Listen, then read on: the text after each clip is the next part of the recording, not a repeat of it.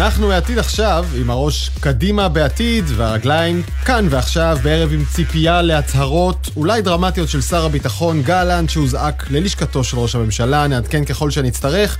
תכף נדבר על חברות ההייטק שכבר במשא ומתן עם מדינות אירופאיות, לעקירה מאורגנת. כי ההייטק בישראל אולי צועק ברחובות, אבל כלכלית הוא כבר מוריד הילוך, ככה זה נשמע.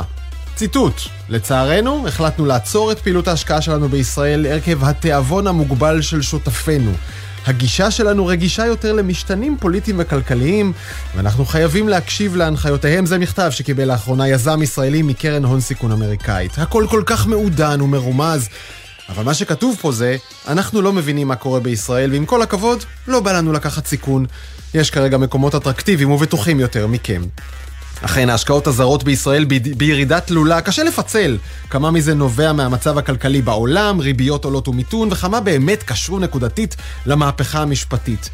אבל כמה זה ישפיע על החיים של כולנו? לאגף התקציבים ולכלכלנית הראשית במשרד האוצר יש הערכה, היא פורסמה היום בדה מרקר, עד 90 אלף איש עלולים לאבד את עבודתם בהייטק הישראלי, זו התכווצות של 25% במספר המועסקים. נזכיר, הייטק אחראי ל-25% מהכנסות המדינה ממיסים, ל-45% מהצמיחה הכלכלית של ישראל, ליותר מ-50% מהייצוא ולכמעט כל כספי ההשקעות הזרים שנכנסים לארץ. כולם להייטק וכולם יורדים עכשיו בחדות רבה. והנה, עשרות שנים של מאמץ מדעי, טכנולוגי, יזמי וכלכלי אדיר, בנייה קפדנית של חברות מעולות שהצליחו בסוף לבנות לישראל תדמית טכנולוגית אטרקטיבית למשקיעים, למשקיעים זרים, כל זה יורד לטמיון. גם עצירה מוחלטת של כל הרפורמה או ההפיכה כבר לא תחזיר את זה אחורה. כי כשהמשקיעים הזרים יחזרו, הם ידרשו מהישראלים להקים את החברה מחוץ לישראל. עתיד עכשיו, עם עין אחת בהפגנות בבני ברק, אוזן אחת כרויה לזירה של שר הביטחון גלנט, כמובן נפנה להצהרתו ככל שזאת תתחיל. נעדכן בכל התפתחויות עם כתבי גלי צה"ל. אני דרור גלוברמן, אנחנו מתחילים. פלן בי, זה השם של התוכנית שמספר מנהלים בהייטק רוקחים יחד עם ממשלת יוון במטרה לייצר לחברה ולעובדיה אלטרנטיבה אירופאית נוחה. גם מדינות אירופאיות אחרות מנסות לנצל את ההזדמנות ולמשוך החוצה מכאן. חברות הייטק ישראליות, הטבות מס מופלגות על השולחן, גם דרכון אירופאי. ואיתנו הערב דוב מורן, ממציא הדיסק און קי, מנהל קרן הון סיכון גרוב ונצ'רס, בכלל מאבות המייסדים של ההייטק הישראלי. ערב טוב דוב. אהלן, ערב טוב. תכף נדבר על ההצעה המאוד קונקרטית שאתה קיבלת לצאת מישראל, אבל קודם, האם אתה שותף לנבואות הזעם על הנזק הבלתי הפיך שכבר עושה המהפכה המשפטית להייטק הישראלי? תראה, שמעתי אותך, סופר את הנתונים, כולם נכונים. אני חושב שהבעיה הקשה זה לא ש-25% מעובדי ההייטק יאבדו את מקומות העבודה שלהם, כמובן שליבי לכל אחד מהם. אחד שמאבד מקום עבודה זה דבר איום ונורא, אבל זה תהליך שבו אה, זה תחילה של גלגל של אה, כדור שלג, כי בעקבות העיבוד מקומות עבודה, עיבוד ההשקעות, תל"ג יותר נמוך, ושער דולר יותר גבוה, קשה יותר לחיות כאן. עוד אנשים אומרים, למה להקים את החברה כאן? בואו נשים נקים מחוץ לארץ. הטובים יעזבו, הטובים, המוכשרים, היזמים, אלה שיכולים, יעזבו. תיווצר פה מדינה, מדינה נוראה, בתל"ג בין, אני קורא לזה בין אפגניסטן לבולגריה. וזה זה מפחיד. כן, זה, זו, זו אולי נקודה שישראלים רבים מפספסים, שהכסף, דמי המיסים הללו, בסוף הולכים למאור לכולנו ברחובות, לבתי הספר של כולנו, למערכת הרפואית של כולנו, ובלעדיהם יהיה קשה. ולביטחון, דרור, ולביטחון, ביטחון המדינה. ישראל משוסעת וענייה לא תשרוד. לא תשרוד. יכולה שרת, לא חשוב, השר הזה או שר אחר, לשלוח את הטייסים לעזלזל, להגיד להם נפולת של נמושות, תעזבו, לכו, וואלה, מזה אתם חיים. מזה אתם חיים כאן. איך אתה מרגיש כשאתה שומע התבטאויות כאלו? נורא, נורא. כואב לי הלב. זה נורא. אנשים נטולי הבנה, נטולי היגיון, נטולי ציונות אמיתית. אנשים שמה שרודפים, מה שרודפים אחריו זה כוח, כסף, כבוד, כשהם לא מבינים שבטווח הקצר הם אולי ימצאו את עצמם במקום טוב בעקבות הדברים שהם רודפים אחריהם. בטווח הארוך, איפה יהיו הילדים שלהם, הנכדים שלהם? תראה, אני, אני מעדיף לשמור את השיחה איתך, דוב, כמובן בזירה הטכנולוגית-כלכלית, אבל היות שהיא נוגעת בזווית הפוליטית, בוא ננסה לעשות את זה קצר. האם אתה מבין אנשים שאומרים, כעת, אחרי הרפורמה המשפטית, תהיה בישראל דמוקרטיה אמיתית, יהיה ייצוג ליותר שכבות בעם, מי שלא טוב לו, הוא לא כזה פטריוט גדול, אנחנו לא צריכים אותו, נסתדר גם בלעדיו, אל תאיימו עם הפריבילגיות שלכם, העם רוצה להיות מיוצג. קודם כל, אי אפשר לדבר פה על פריבילגיות. תגיד, אם מישהו נולד עם איי-קיו גבוה, עם יכולת יזמית, עם יכולת ביצוע, זו פריבילג כי הוא נולד, בוא נגדיר את זה כמדינת המטומטמים. ואז יהיה פה לא יהיה פריבילגיות, ואז החכמים ילכו וישארו פה הפחות מוכשרים. כי בהייטק מי שמצליח זה לא בזכות ההורים שלו שאליהם הוא נולד, ולא בזכות הכסף שהוא נולד איתם. אני לא נולדתי משפחה עשירה, אבי היה רוויזיוניסט. אה, אני אה, גרתי עד גיל 18 באותו חדר עם אב מסבא שלי, כל הבולשיט הזה על פריבילגיה, קשקוש אחד בלבוש, נטול כל קשר למציאות האמיתית. אה, תראה, אה, אני, אני חושש במדינה, זה חשש אמיתי. אני לא רוצה שאנשים יעזבו את המדינה הזאת, אני לא אעזוב את המדינה הזאת, אבל אני זוכר איזה סיפור שסבא שלי סיפר על ימיו בשואה, לפני השואה, כשהיטר פלש לפולין, mm-hmm. הוא הלך לחבר, ואמר לו בוא נברח לרוסיה. חבר אמר לו תשמע, אם אני אברח ל... אם אני אעזוב את הבית שלי, אז הפולנים יפרצו פנימה, יקחו כל מה שיש בבית. אני לא עוזב. סבי ברח לרוסיה, ניצל. השותף, החבר שלו הזה, כמובן לא ניצל. אני לא, אני לא יכול להגיד לאנשים שאומרים, אומרים לי, תשמע, אני רוצה לעזוב, להגיד להם לא לעזוב. אני לא עוזב. אוקיי. רגע, תכף נדבר עליך באופן אישי, אה, כן. אבל... אה, אה, באתי לשאול אותך, אם אתה מבין מנהלים שמתכננים לצאת מכאן, אתה, דיברנו לפני רגע על התחזיות האימים אה, לתעשיית ההייטק, אה, אתה בנית חברות, אתה מכרת חברות, אתה מבין יזמים שבנו מפעל, הם גאים בו, הם רוצים שהוא ישגשג, והם חוששים להשאיר אותו כאן, שמא יבולע לו. אני מבין בהחלט, כן. תשמע, מדינה שמתדרדרת, מדינה שרע לחיות בה, מדינה שיוקר החיים בה הולך להיות מאוד מאוד יקר, זו מדינה שהטובים בוחרים, וזה אומר שמי שיתעקש להישאר כאן, ימצא את עצמו גם בקושי בלאתר את המהנדסים המתאימים, את המתנים המתאימים. המתאימים. זה, זה כדור שלג שכל פעם, כל שלב, כל שלב נהיה יותר רע, ובגלל שיותר רע, הטובים אה, בורחים, הטובים בורחים, היזמים בורחים, המדענים בורחים, עוד יותר. זה כדור שלג שמתגלגל. עכשיו הקוטר שלו זה עשרה סנטימטר, כן? אה, עוד שנה אולי זה יהיה כדור שלג בגודל של מטר, ובעוד אה, חמש שנים יהיה פה עם כדור שלג בקוטר של, אה, לא יודע, של 100 מטר. אז אני קורא, אני קורא עכשיו בדה מרקר את דיווח של קורין דגני על פלן בי, קבוצת בכירים בהייטק הישראלי, מנהלת משא ומתן עם מדינות אירופאיות, ובהן יוון, ומצטרף אלינו קובי ביטון, מנהל לשכת המסחר ישראל-יוון. קובי, מה אתה יודע על פלן בי? ערב טוב, דרור. ערב טוב. ערב טוב. אה, נשאלתי את השאלה הזאת ביומיים האחרונים, אני רק חזרתי מאתונה אתמול אה, אה, בבוקר. לפי מה שידוע באופן רשמי, לא רשמי וגם לכאורה, אין פלן בי. לא אצל היוונים. יכול להיות שיש פלן בי אצל חברות הייטק כאן בישראל, שיוון, כמו קפריסין וכמו פורטוגל, היא חלק מהפלן בי, mm-hmm. אבל אין פלן בי באופן רשמי. היוונים אה, אה, מכחישים באופן גורף אה, משאים ומתנים, או שהם בכלל פנו באופן יזום שלהם לגורמים בישראל, שוחחו, שוחחו איתי גורמים שונים, גם משגרירות יוון בארץ, אה, וגם כשפגשתי את אה, שר הפיתוח וההשקעות היווני באותה תערוכה שאליה נסעתי אה, באתונה, ושאלת תגיד לי מה קורה אצלכם, מה כל הסיפורים האלה מסביב. היינו רוצים לראות אתכם אצלנו, אבל אנחנו לא יוזמים שום דבר. לא יוז... היינו רוצים, אבל לא יוזמים. אני מקריא לך מתוך, לא uh, מתוך אותו דיווח, yeah. uh, גורם בכיר בתעשייה שהשתתף בדיונים, אמר uh, כי יש פה אירוע ברמה מדינית, uh, מעורבים פה שרים, יש קבוצות עבודה, מתייעצים על מה נרצה אנחנו בחברות הייטק לקבל, uh, וכמובן מדובר בפטורים נוחים ממס, ואזרחות אירופאית ורישיון עבודה לכל המשפחה וכולי. נראה כאילו מתחת לפני השטח יש מדינות שמסתערות על, אה, על ההזדמנות. הבט, קודם כל אין לי ספק שיש כרגע בוחשים בגדרה, אה, ובואו נשים גם את הדברים אה, אה, כמו שהם.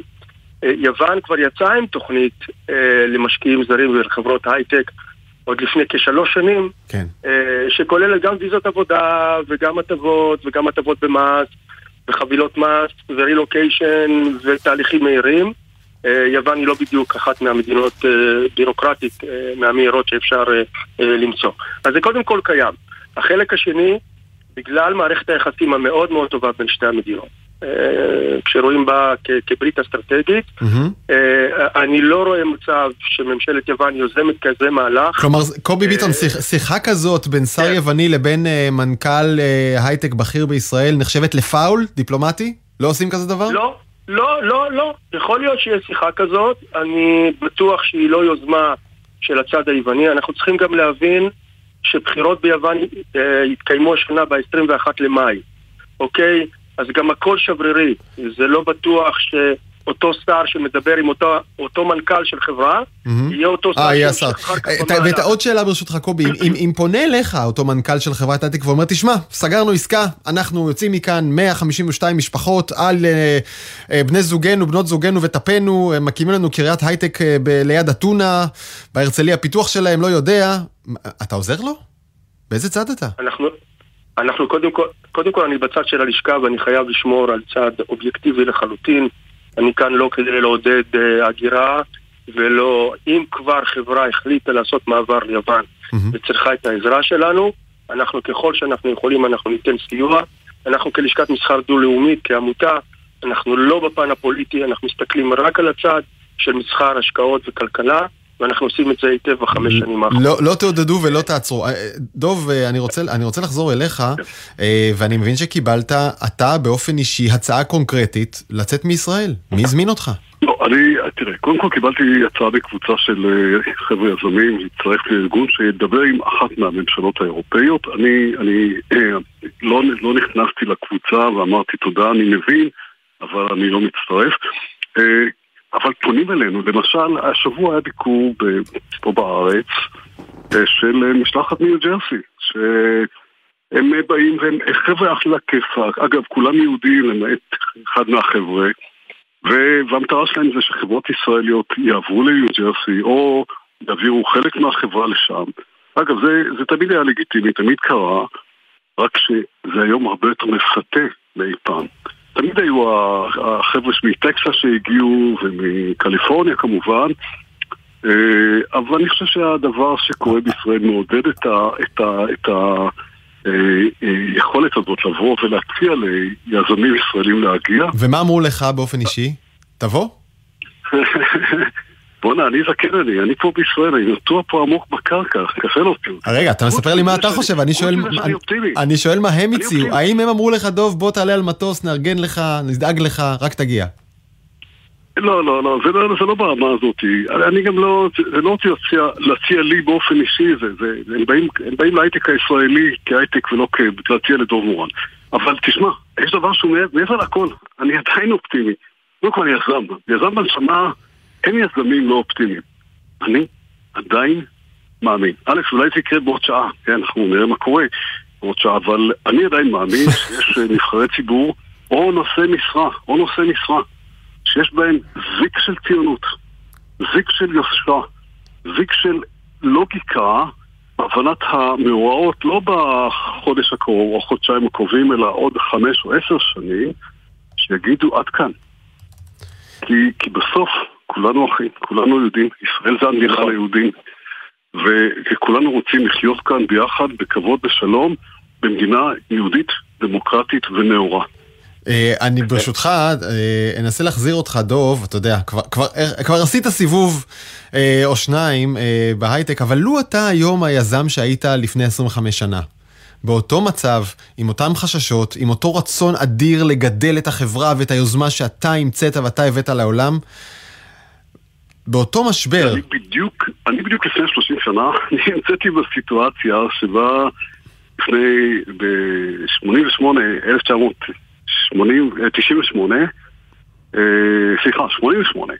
נסעתי הברית אה, כדי להבין מה זה הייטק, מה זה, מה זה business, מה זה השקעות, מה זה גיוסים. הקמתי את אין-סיסטם שאף אחד לא הקים חברות, זה היה תופעה נדירה מאוד. ואחרי שלוש וחצי שנים, הקמתי את זה כחברה ישראלית בישראל, רק כשאני ישבתי בארצות הברית. ואחרי שלוש וחצי שנים באתי למנכ"ל של החברה שבה ישבתי אז, חברה של מילטופ, ואמרתי לריצ'רד פדנוסי, המנכ"ל, שמע, אני חוזר לישראל. אה, הוא אמר לי, למה? הוא היה בשוק, הוא אמר, תגיד לחבר'ה שלך שיבואו, ניתן להם פה אגף בבניין. אמרתי, לא, זו המדינה שלי, באתי לתקופה נתונה, אני חוזר לישראל. חזרתי לישראל, אני שמח שחזרתי לישראל. אה, אני שמח מאוד. בלי קשר לפוליטיקה ובלי קשר ל, ל, לכל מה שקורה למדינה הזאת עם, ה, עם האיומים עליה. גם. וכל האופורטוניטים המטורפים שיש בקליפורניה, שאולי הייתי עושה שם יותר חי, מי יודע. חזרתי למדינה שאני אוהב, אני, אין לי כוונה לעזוב. אם אני הייתי חוזר למדינה, אה, מדינה שהיא דיקטטורה, עם שליט ש... עם מי שמוליך אותה, שליט שמי שמוליך אותו באף זה הזויים למיניהם, אה, אולטרה אורתודוקסים שבעצם לא מעניין אותם הכלכלה, כי אולי השם יעזור והכל יהיה נפלא. ונקים פה בית שלישי ונתעמר בימים, במיעוטים. אם הייתי חוזר למדינה כזאתי, שאלה מאוד מאוד מאוד קשה, תרשה לי לא לענות. אני אה, אספר, לא. אספר לך ואולי גם למאזינים על, על לא מעט ישראלים שחזרו בשנתיים שלוש האחרונות בעקבות הקורונה בין היתר, חזרו מעמק הסיליקון וממקומות אחרים לישראל, אה, גם כהזדמנות וגם כדי אולי כן לגדל בו ילדים ישראלים, ונדמה לי שעכשיו אה, אולי דעתם משתנה. קובי, מילה אחרונה שלך? קודם כל אני מתיישר, מה שאני לא נוהג לעשות כל כך, אני מתיישר עם הדברים שאמר אה, דוב, וגם המדינה שלנו, ואני רוצה להבהיר נקודה אחת. בואו, אה, יוון היא לא הפלטפורמה האולטימטיבית אה, להקים חברות, מערך סטארט-אפ או קניין רוחני באירופה. יש מדינות עדיפות עליה, ואין גם מה להשוות בין מה שקורה בהייטק היפני לעומת מה שקורה בישראלי, למרות שהם התקדמו מאוד בשנים האחרונות. אז מצד אחד, אוקיי, זה מאוד קורט, אחד ששעתיים טיסה, אבל מצד שני זו עדיין מדינה שיש בה הרבה מה לעשות כדי להקים תשתית כזו שתיתן את כל הנוחות האפשרית ליזמים. כן, טוב, אבל אתה יודע, לא, לא נכנסנו אה, להשוואות של פורטוגל וקפריסין והאיחוד האירופי וכולי. אנחנו רוצים לדבר על ישראל, אנחנו רוצים לדבר על ישראל. נכון, אה, אבל שם זה אנחנו נמצאים. קובי ביטון, אה, מנכ"ל לשכת המסחר ישראל-יוון, ודוב מורן, יזם ומשקיע. תודה רבה לשניכם. תודה.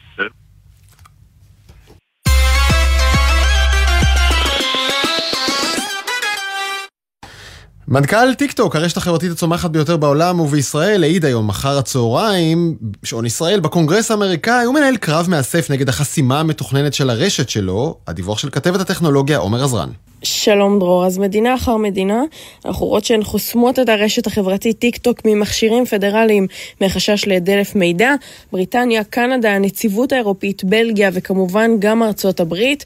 מנכ"ל טיק טוק היום הופיע בפני הקונגרס האמריקני בשימוע, הוא ניסה לשכנע אותם שאין ממה לחשוש. הוא חשף כי 150 מיליון אמריקנים משתמשים פעילים באפליקציה לצד 5 מיליון עסקים אמריקנים. זה חלק מניסיון להפעיל לחץ על ארצות הברית. הברית להמשיך את אה, פעילות היישומון, וכל זה קורה בעיקר בגלל שהחברה טיק טוק נמצאת בבעלות סינית, מדינה איתה לא ארצות הברית ולא כמעט אף מדינה מערבית אחרת נמצאת ביחסים טובים, ולא רק יחסים טובים, אלא ממש סוג של אה, אה, מלחמה קרה. בפתח הדיון היום אמר המנכ"ל, אני מתחייב שטיק טוק תשמור על הבטיחות במיוחד של בני נוער, נגן על מידע של אמריקנים מפני גישה זרה ולא מורשית, נשאר פלטפורמה לביטוי חופשי ולא נהיה תחת מניפולציה של אף ממשלה.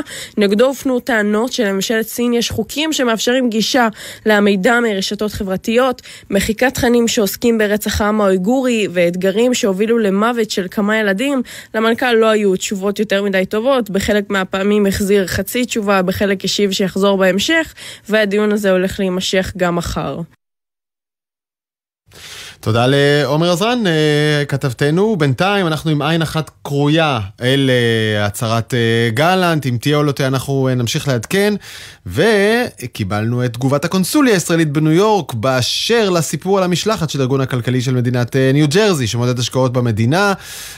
האם אתם מנסים למשוך חברות ישראליות מכאן החוצה? זו התגובה מדובר במשלחת של ארגון כלכלי אה, שמעודד השקעות. הארגון הזה פועל כבר שנים בשיתוף פעולה עם הקונסוליה ומדינת ישראל, ובמסגרת התוכניות שלו פועלות חברות כמו אוסם וטבע. הארגון מעודד התרחבות של חברות בינלאומיות לניו ג'רזי, לא את העברת הפעילות שלהן לניו ג'רזי. הם מתחרים מול, מול מדינות אחרות בארצות הברית ולא מול ישראל. המשלחת הנוכחית תוכננה לפני חודשים רבים בידיעה ובשיתוף פעולה עם הקונסוליה. אנחנו לעניין הבא. בינה מלאכותית כבר משנה את החיים של כולנו, מתכנתים, ארכיטקטיות, נשות שיווק, מנהלי עסקים, עורכי דין, רופאות, כולם וכולן עומדות להרגיש את uh, משב רוחה של הטכנולוגיה הזו, שמשנה את יחסי הכוחות באין ספור מקצועות, ומי שעומד מאחוריה, בלב המאפליה, יושבים מעבדים סופר מהירים שחלקם מפותחים כאן בישראל. ערב טוב, יעל אסרף שנהב, סמנכ"לית מוצר בחברת NVIDIA ישראל. ערב טוב. תשמעי, את, אה, יעל, שומעת את כל הבלגן סביב צ'אט GPT ומידג'רני, וכולם שואלים שאלות ומקבלים תשובות ומציירים ציורים. גם את עושה את זה?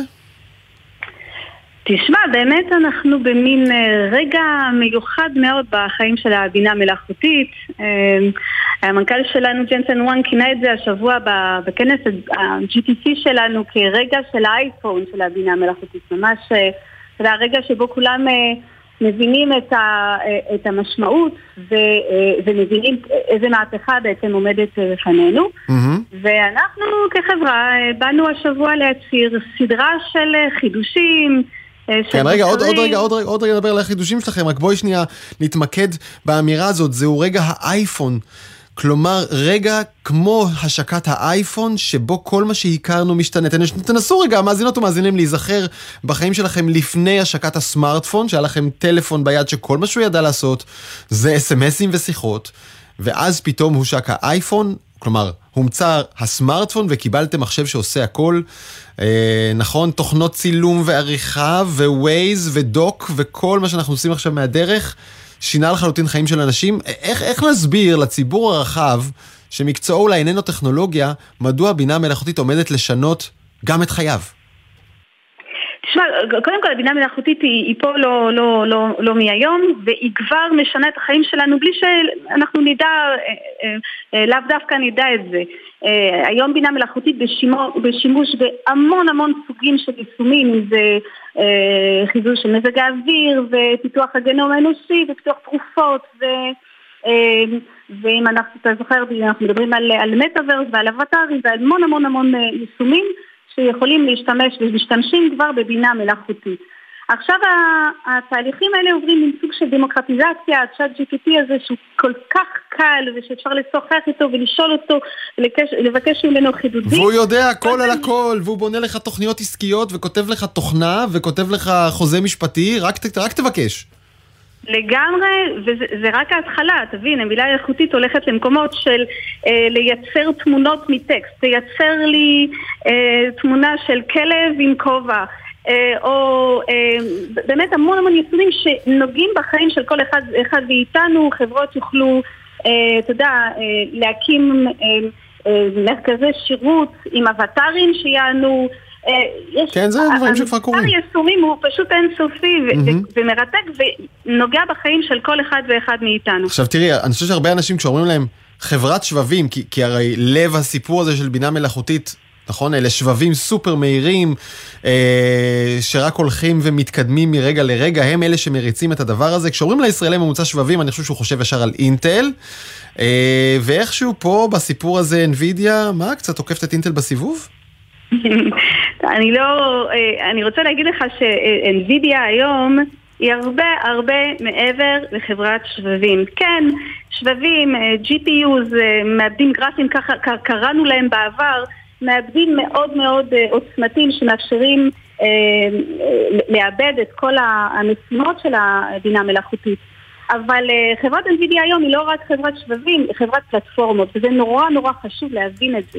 לא מספיק שיש לך מעבד מאוד, מאוד חזק, אתה גם צריך המון המון תוכנה אה, אה, כדי לאמן את המודלים של הבינה המלאכותית, אה, כדי להסיק מסקנות מהמודלים האלה של בינה מלאכותית, ויש כל כך הרבה תחומים שבו הבינה המלאכותית אה, עוזרת לנו, שגם צריך מודלים שהם יהודים ומקוילים לכל אחד ואחד מהיישומים האלה. תראי, יעל, את, עושה עבודה טובה, את עושה עבודה...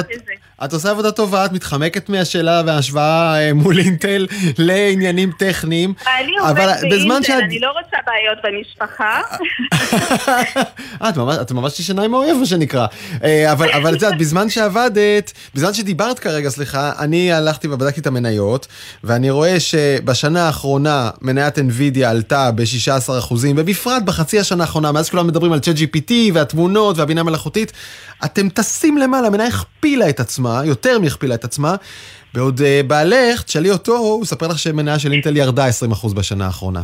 Uh, האם, האם uh, NVIDIA היא החברה שמניעה את המהפכה הזאת של בינה מלאכותית ומרוויחה ממנה?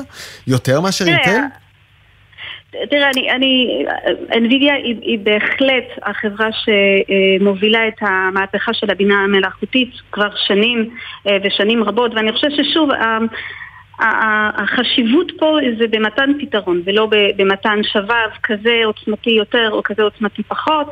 אה, אז כן, אני חושבת שהשוק, אה, אתה יודע, בלי, בלי להתייחס, אבל אני מסתכלת כמוך בחדשות, החזות שלנו השבוע מרשימים את הלקוחות שלנו. ומובנים יותר ויותר היום. ו- ו- והמציאות אה, הופכת להיות מציאות שהיא אה, לגמרי אה, מופעלת על ידי הבינה המלאכותית. היית רוצה שאני אניח לך כבר עם ההשוואה לאינטל, אבל יש עוד מקום אחד יש. להשוואה. אני יודע, אני יודע, היית רוצה, אבל, אבל המ- המקום הנוסף, הוא, החשוב הוא, שאינטל היא גם אה, משמעותית מאוד בשוק הישראלי, אה, היצואן הגדול ביותר במדינת ישראל, מעסיקה כאן אה, הרבה יותר מעשרת אלפים עובדים. אה, ספרי לי רגע על NVIDIA בישראל, כמה חשובה ישראל לחברה הזו? יש לנו פה אה, אה, פיתוח אה, אה, של אה, אה, אה, מה שנמצא ממש בליבה של אה, הפתרונות אה, המחשוביות המואצות של NVIDIA. אה, טכנולוגיות שמפותחות פה בישראל על ידי אל- אלפי עובדים כוללות כל התשתיות תקשורת. בעצם מה שמאפשר לשרתים האלה לדבר אחד עם השני ולשתף פעולה אחד עם השני תוך כדי עבודה. אה, אז כל הטכנולוגיות האלה מפותחות פה והן בלב ליבה הטכנולוגיות אה, של NVIDIA מן כלומר, הסתם. מה את אומרת לי? מה, מה שאנחנו עושים בישראל זה לא איזה מוצר צד נחמד אה, לחברה הגלובלית, אנחנו עושים את הדברים הכי חשובים בחברה. אנחנו עושים דברים בלב ליבה של הטכנולוגיה של החברה, והאמת, אה, אה, בכנס שלנו השבוע, אתה יכולת לראות אה, חלק ניכר מהמוצרים שאנחנו מפתחים פה, יכולת לראות אותם מוצגים על ידי המנכ"ל שלנו, אז לכ- לכן גאווה מאוד מאוד גדולה לכל אחד ואחד מאיתנו, אנחנו כן חלק מהמנוע של המהפכה של ה... של הבינה המלאכותית. אוקיי, עכשיו, אה, אולי זה האתגר הכי קשה בשבילך. תסבירי לי בבקשה, כמו לילד בן שמונה, מה קורה בתוך המעבד שלכם כשאני מבקש תמונה של כלב חובש כובע? אוקיי, אז, אז תראה, אה, אה, ב- התהליך של בינה מלאכותית הוא בעצם מחולק, אני אנסה להסביר את זה בצורה הכי פשוטה שאני יכולה, הוא מחולק לשני חלקים. בחלק הראשון זה נקרא אה, חלק האימון. אתה בעצם לוקח הרבה שרתים מאוד מאוד חזקים ואתה מזין בהם הרבה מאוד נתונים ואתה מלמד אותם אה, למלא משימה מאוד מאוד ספציפית. אתה אומר, למשל, אני אלך על אה, דוגמה אולי יותר פשוטה, אתה מזין להם המון המון תמונות ואתה רוצה שהם יזהו תמונה של פרח. אז כל פעם שבעצם עוברת תמונה של פרח, אה, אתה נותן, אתה נותן למודל בעצם להתחדד וללמוד מה זה פרח. האמת, בדיוק כמו שילדים לומדים, נכון? מניסיון, ניסיון, נתונים, נתונים ועוד יותר נתונים, וככה קורה תהליך אימון של, ה, של השרתים. ואז התהליך השני הוא נקרא תהליך ההעסקה. עכשיו המודל הוא מאומן, הילד כבר יודע מה זה פרח ולזהות תמונה של פרח, ובתהליך ההעסקה הזה, אז בעצם אה, אתה יכול לשאול את המודל, תגיד, התמונה הזאת זה פרח? אז המודל כבר למד מה זה פרח ומה זה לא פרח, ויכול להגיד, כן, זה פרח או זה לא פרח. עכשיו, הסברתי את זה בצורה מאוד מאוד פשטנית, כמובן. מאוד. אה, אבל אה, התהליכים הרבה יותר מורכבים מזה, אבל זה הקונספט. מלמדים, האמת, הבינה המלאכותית אה, היא, היא מדמה במובן מסוים תהליך למידה שלנו לחלוטין. אנחנו לומדים, ואז אנחנו מסיקים מסקנות. ואת יודעת, זה גם צורך אה, לא מעט חשמל, ולא מעט אנרגיה. האם אנחנו הולכים למקום, אם פעם היינו צריכים אה, לנס... להיכנס לאוטו ולהתניע, או לעלות על מטוס אה, כדי לייצר זיהום בעולם, אז היום אני צריך לבקש מהמחשב שלי אה, לצייר לי אסטרונאוט אה, הולך ב... במאדים, והנה ייצרתי זיהום? אז תראה, זה, זה, זה בדיוק פה כל היופי של... כי צרכתי המון חשמל בשביל הציור הזה? שאני נהנה ממנו בגדול שלוש שניות? זו נקודה, זו נקודה בעיניי קריטית שאתה מעלה פה. כי, כי כל, התהליכי, כל התהליכים החישובים האלה הם, הם יכולים באמת להשתמש בלא מעט חשמל, אממה, לכן NVIDIA פה בעצם, היא, היא מביאה מלא חידושים בתחום של המחשוב המואץ. מחשוב מואץ זה אומר שבעצם אתה עושה את הדברים בצורה הרבה הרבה יותר יעילה. בכנס אנחנו מראים איך כל מיני תהליכים שהיו דורשים אה, למשל מאות או עשרות אה, מעבדים מרכזיים מסוג CPU ולכן שהיו דורשים המון המון חשמל. עכשיו בעזרת GPU אחד ולכן צריכת חשמל מופחתת יכולים לבצע את אותם תהליכים. זאת אומרת כל הנקודה פה להגיע למחשוב שהוא מאוד מאוד יעיל, מאוד מאוד חסכוני בחשמל. אה, זה מה שאנחנו קוראים מחשוב מואץ ועל זה כל מאמצי החברה כי אתה צודק לדאוג לכדור הארץ שלנו ואנחנו גם, אה, גם דואגים לו. יעל אסרף אה, שנהב, סמנכ"לית אה, מוצר ב-NVIDIA ישראל, אחת החברות שנהנות יותר מכל מהמהפכה הזאת. מה, איך נסכם? נגיד למאזינותינו ומאזיננו, אם אתם עוד לא שם, רוצו מהר ושימו ידיים על איזה בינה מלאכותית, נכון? כי היא תשנה את החיים שלכם אם אתם רוצים ואם לא. האמת היא לגמרי, ילדה שלי בת 15 לומדת את זה לבגרות, ואני מאוד שמחה בשבילה, זה העתיד שלנו. אני מודה לך מאוד אה, על השיחה הזאת, יאללה אסרף שנהב, סמנכ"לית מוצר ב-NVIDIA ישראל. עוד רגע על שערורייה פוליטית שהבינה המלאכותית אה, ו-Chat GPT כבר חוללו בהונגריה, ג'ינקלים וחוזרים.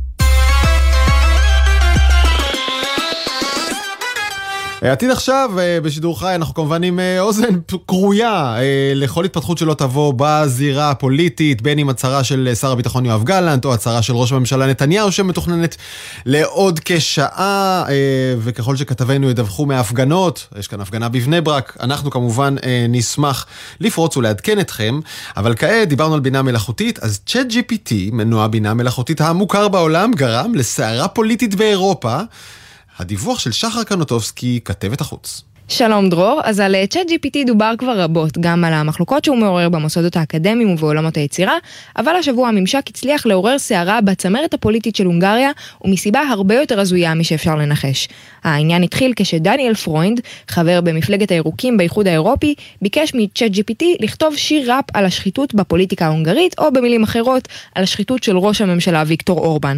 התוצאה הייתה מעניינת ללא ספק, המאזינים בבית מוזמנים לנסות לשיר את המילים על ביט, אנחנו נסתפק בלתרגם ולהקריא ציטוטים נבחרים כמו מוודא שמבקריו מושתקים, משתמש בכספי ציבור כדי למלא את כיסיו ממועדוני כדורגל לאחוזות יוקרה, האימפריה של אורבן נבנתה על הונאות ומהומות. אז כן, אה, לראש המצעדים הראפ הזה כנראה לא יגיע, אבל מי שקרא אותו בעיון ולא נשאר אדיש, היה דובר ממשלת אורבן, זולטן קובאץ'. הוא אמר בתגובה שצ'אט GPT הוא לא יותר ממחולל שטויות, אבל אחר כך הוא ניסה לגייס את מחולל השטויות, כדי לענות בשיר ראפ ממוחשב משלו, הפעם על דניאל פרוינד. אלא שבמקרה הזה הצ'אט קם במצב רוח קצת יותר טוב, והתוצאה הייתה ראפ די מפרגן על דניאל. השיר סיפר שפרוינד מייצג את הירוקים בבונדסטאג ונלחם שם למען צדק וחירות, אף על פי שהוא כלל לא חבר בפרלמנט הגרמני. פרוינד כצפוי קצת התקשה להיעלב מהתוצאה, הוא אמר שהוא מופתע לטובה, וסיפר שהשיר מעיד על הבנה מורכבת למדי של המצב הפוליטי בהונגריה, למרות האי דיוקים. עתיד עכשיו, אני רוצה לומר ערב טוב לשניים מוותיקי ומכובדי עולם ההייטק הישראלי, דוקטור שוקי גלייטמן, לשעבר המדען הראשי ויושב ראש קבוצת GIBF, ערב טוב. ערב טוב, ערב מצוין. וערב טוב לצבי מרום, ממקימי BATM, אה, לשעבר יושב ראש איגוד ההייטק וחתן פרס התעשייה לשנת 2021, ערב טוב צבי. ערב טוב, שלום שלום. שוקי, אתה רואה את ההייטקיסטים שעומדים אה, כאחד מראשי החץ הבולטים של המחאה נגד הרפורמה המשפטית או המהפכה המשטרית, מה אתה חושב על זה? סך הכל תשומת הלב של הממשלה, סדרי העדיפויות השלטוניות כמו שרואים עכשיו, המהפכה המשטרית שהולכת עלינו, הכל ביחד, זה כמעט סופה מושלמת. צבי, מה אתה חושב על uh, uh, רבים ממנהלי ויזמי ההייטק הישראלי שמתבטאים ואפילו פועלים כנגד המהפכה המשפטית, מוציאים כספים, מאיימים ומזהירים?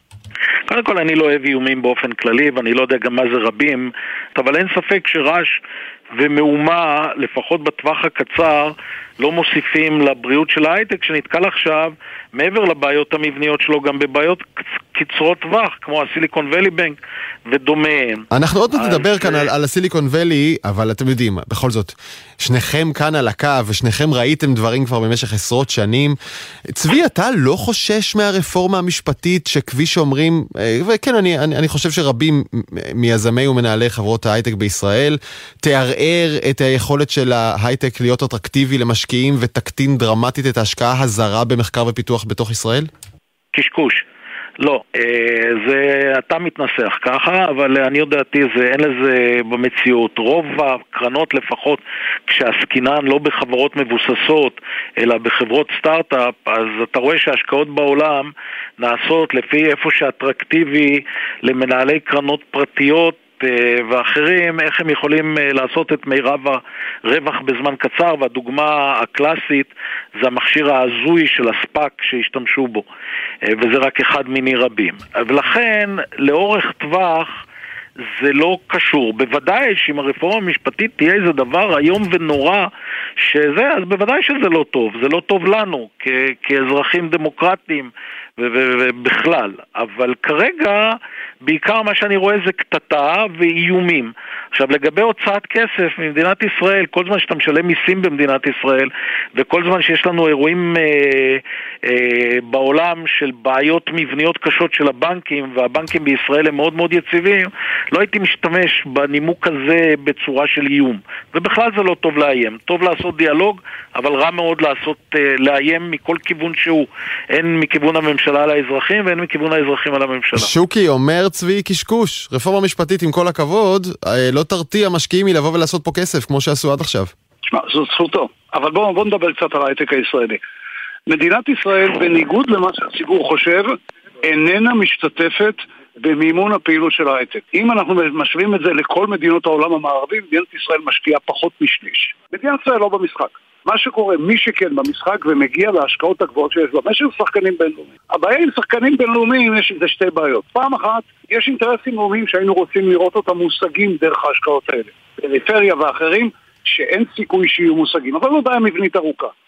הבעיה השנייה היא שמה שקורה שהכסף הזה הוא עתיר סיכון. דהיינו, ברגע, רמת הסיכון שבו היא מאוד גבוהה.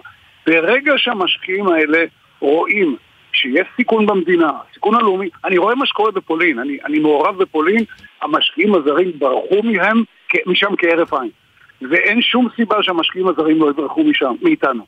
עכשיו, התלות שלנו היא עד כדי כך גבוהה, המימון של ההייטק בישראל, למעט קרנות ההון סיכון, 60% נעשה על ידי גורמי חוץ. אני לא מדבר על קרנות ההון סיכון. עכשיו, גם המשקיעים של קרנות ההון סיכון הם לא משקיעים פסיביים, והם לא כל כך ייתנו לקרנות ההון סיכון לקחת סיכון בהשקעה, סיכון לאומי, סיכון של מדינת ישראל, שהם לא מוכנים לעמוד בו. שוקי, אומר, אומר צבי, אומר צבי, הם עשו פה כסף והם ימשיכו לעשות פה כסף. זה לא מעניין אותם הרכב הוועדה למינוי שופטים או סמכויותיו של היועץ המשפטי לממשלה. הם לא יעשו פה כסף. אנחנו הצלחנו בצורה יוצאת מן הכלל בהייטק, כי הייתה תשתית אקדמית סבירה, וכל תשתית המחקר של מערכת הביטחון הייתה רלוונטית לביקוש בשוק האזרחי. זה לא ישתנה עם מהפכה משפטית. AI, תוכנה, הדברים האלה בעצם מתחילים לזוז למקומות אחרים, שמשרד הביטחון איננו ובצדק, והתשתית שלנו למקומות האחרים, לאנרגיה, לנושא של אקלים, לנושא, התשתית האקדמית שלנו היא מאוד חסרה. אז הקטע של לעשות פה כסף זה חלום באספמיה, לא יהיה. אתה מצביע על מספר תחומים שונים, ואני לוקח אותך נקודתית לשינויים המשפטיים או משטריים בישראל. מדוע אכפת למשקיע בינלאומי מההצעות של רוטמן ולוין לצורך העניין? אני אגיד לך, כי הוא סופר, הוא מחשב סיכון. זה ביזנס עתיר סיכון. אף אחד לא רוצה להוסיף למערכת הסיכונים הזאת גם סיכון משפטי, ויש לנו דוגמאות, אני ראיתי מקרוב מה שקרה בפולין. אם שם, עם הסיפור של שינויים במערכת המשפטית, המשקיעים הזרים ברחו. כי זה סיכון נוסף שהם לא מוכנים לקחת אותו. יכול להיות, צבי, שאתה מזניח כאן אה, שיקולים מהותיים כמו שמדבר עליהם שוקי? שוקי אה, נתן ייעוץ שמשקלו בזהב גם לממשלת סין, וממשלת סין היא לא הדמוקרטיה הבולטת בעולם, ועדיין היא מוליכה בהמון תחומים יותר ויותר בתחומי ההייטק. עכשיו, אני לא טוען שאין סיכון במהפכה המשפטית, אבל אם הייתי צריך למדוד סיכונים ארוכי טווח, ואני חושב ששוקי יסכים איתי, להייטק הישראלי זה רמת מערכת החינוך, אחד. הש, הש, הרוויה בתחומים כמו סייבר והצורך בלהקים תשתית מחקרית לנושא אנרגיה, environmental וכן הלאה וכן הלאה, ועוד שורה ארוכה. עכשיו, אני עוד לא יודע אם יש פה הפיכה משפטית והפיכה משטרית וזה, ואנחנו בעיקר מפחידים את עצמנו ומאיימים שנוציא ונרים ונוריד, חכו. אני לא יודע, אני לא אוהב אה, אה, לתת... אה, ציונים לדברים שיקרו לפני שהם קרו. היזמים והיזמיות שמדברים ומוציאים כסף ומזהירים ויוצאים לרחובות, הם מה? למה הם עושים את זה? קודם כל, טוב שיוצאים לרחובות.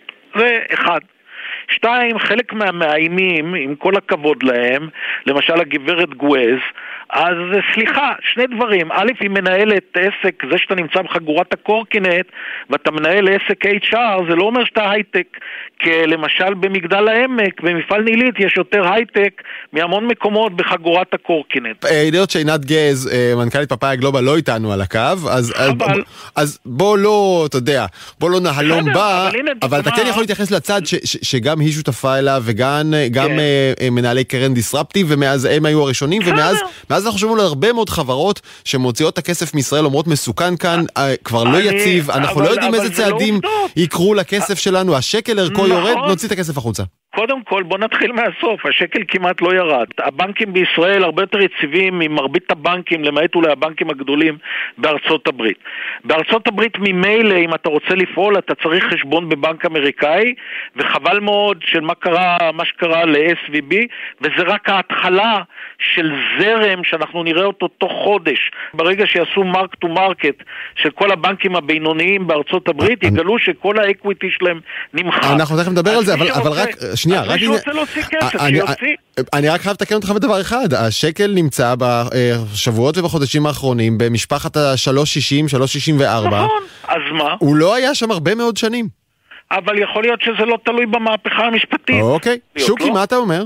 אי אפשר להגיד, כמו שאני שומע את כל הגאונים, סליחה צביקה, לא אליך, אה, אומרים, עוד לא קרה כלום, בואו נעבור, נעשה את החקיקה. תראו, ברגע שהחקיקה תהיה זה יהיה מאוחר מדי. עכשיו, יכול להיות שלא יקרה כלום. אני חושב שיקרה, אבל נניח שאני טועה. יש סיכוי שיקרה, ואם מה שיקרה יקרה, אנחנו בקטסטרופה ממש, למה לקחת את הסיכון הזה? אני אבקש מכם אה, שנייה להסתכל עוד קומה קטנה מעל היחסים בין הממשלה וההייטק. למה שקורה בכלל בציבוריות הישראלית, רמת הקיטוב שעלתה, אה, החוסר היכולת להידבר בכלל בין הצדדים. יש לכם כבר קצת שנים בכיס, לאן אנחנו הולכים?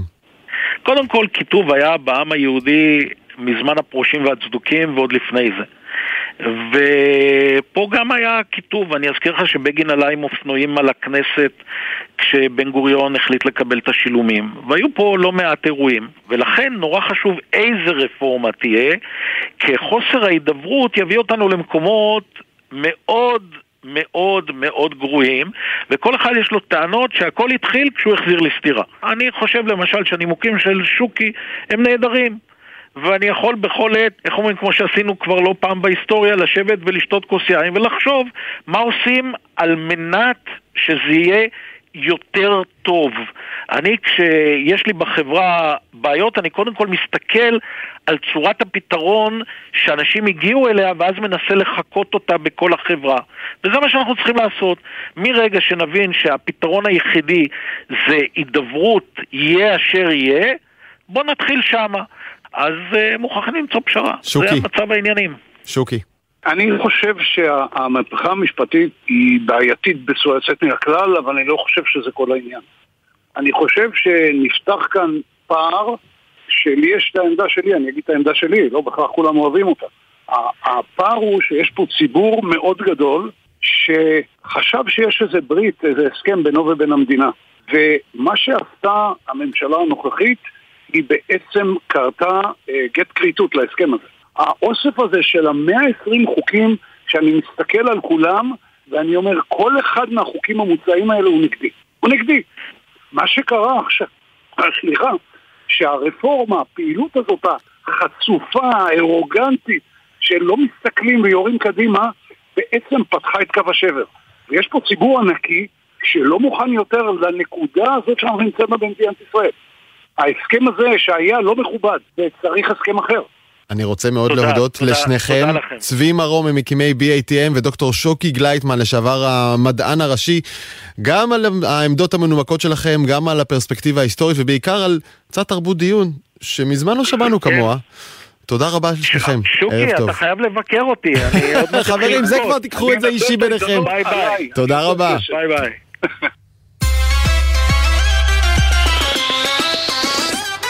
בעתיד עכשיו לא נסיים בלי לקפוץ לדרום, שם מחכה רמי שני, הכתב בדרום ומגיש הפודקאסט מה שקורה מחר. ערב טוב רמי. שלום דרור לך ולכל המאזינות והמאזינים. בוא נפגוש אה, זוג יזמים, או שני יזמים מסביבה שהיא פחות מוכרת, שני צעירים חרדים מירושלים שיזמו הקמה של אתר להזמנת חופשות בצימרים. לכאורה שם נדוש למשהו מוכר, ידוע, שאולי יכול לתת יתרון בהוזלת אה, המחיר, אבל הם הלכו על משהו הרבה יותר מתקדם. קודם כל בואו נשמע את המהנדס אה, אברהם בן סיקסו ויונתן כהן, הם אה, מקימי האתר, בואו נשמע אותם. לתת פתרון לבעיה שמתכננים את חופשה, רואים תמונות, מגיעים למקום ופתאום לא, לא כל מה שדמיינו, לא כל מה שראינו. עשינו את הגלריית תמונות שבעצם נותנת תמונות 360 זאת אומרת, אתה רוצה להזמין צימר, mm-hmm. אתה מסתכל בכל אתר אפשרי, אתה לא יודע מה, מה יש בו באמת. נכון. מה שהם עשו, הם פשוט פיתחו אפשרות לראות את התמונות ש... של הצימר, שהם אגב מצלמים. ב-360 מעלות, ואז אתה יכול לראות שם אה, את, אה, את הבקתה שאתה באמת תקבל, לא איזה משהו, אה, אני יודע מה, לא מציאותי, אתה יודע, אתה מגיע והכל מלוכלך, הכל קטן, הכל בכלל לא בצורה שאתה הזמנת. אז 360 מעלות גם בצורה כדורית כמובן, אתה יכול לראות אם יש קורי עכביש, או אם יש חורי הצצה בקירות, ואם המיטה מספיק קבע, ואם הג'קוזי נקי. לא, אולי בקרוב יהיה ניתן להריח גם את ריח הפצ'ולי של הנרות. רמי שני, עוד על זה בהסכת שלך. מה שקורה מחר, המגזין המדעי של גלי צה"ל, תודה רבה, ערב טוב. עד כאן העתיד עכשיו, ערכה אביב פוגל, הפיקו פרח בגולדפארד ואורי קספרי על הביצוע הטכני. מי על הביצוע? אוקיי, אני דרור גלוברמן, ואתם מוזמנים לשמוע אותנו מתי ואיך שבא לכם, באפל או בספוטיפיי. אני זמין להערות ולהצעות בדרור גלוברמן בטוויטר, ומה שאתם שומעים עכשיו זה את השיר על 200 של אסף אמדורסקי. ביום ראשון הוא יופיע במטאוורס בשמונה וחצי בערב, במופע סולו אלקטרוני אינטימי, הוא על פסנתר, על עמדת די-ג'יי, אנחנו, הקהל, יכולים להיכנס בחינם ולהצטרף לאולם הדיגיטלי שלו, מהבית, מהמחשב, פשוט צריך לבנות אווטאר ולהיכנס להופעה. מה, כמו אריאנה גרנדה, כמו ג'סטין ביבר. זה ביום ראשון. ראשון. עד כאן עתיד עכשיו, יאללה ביי. מצב שהתחמקתי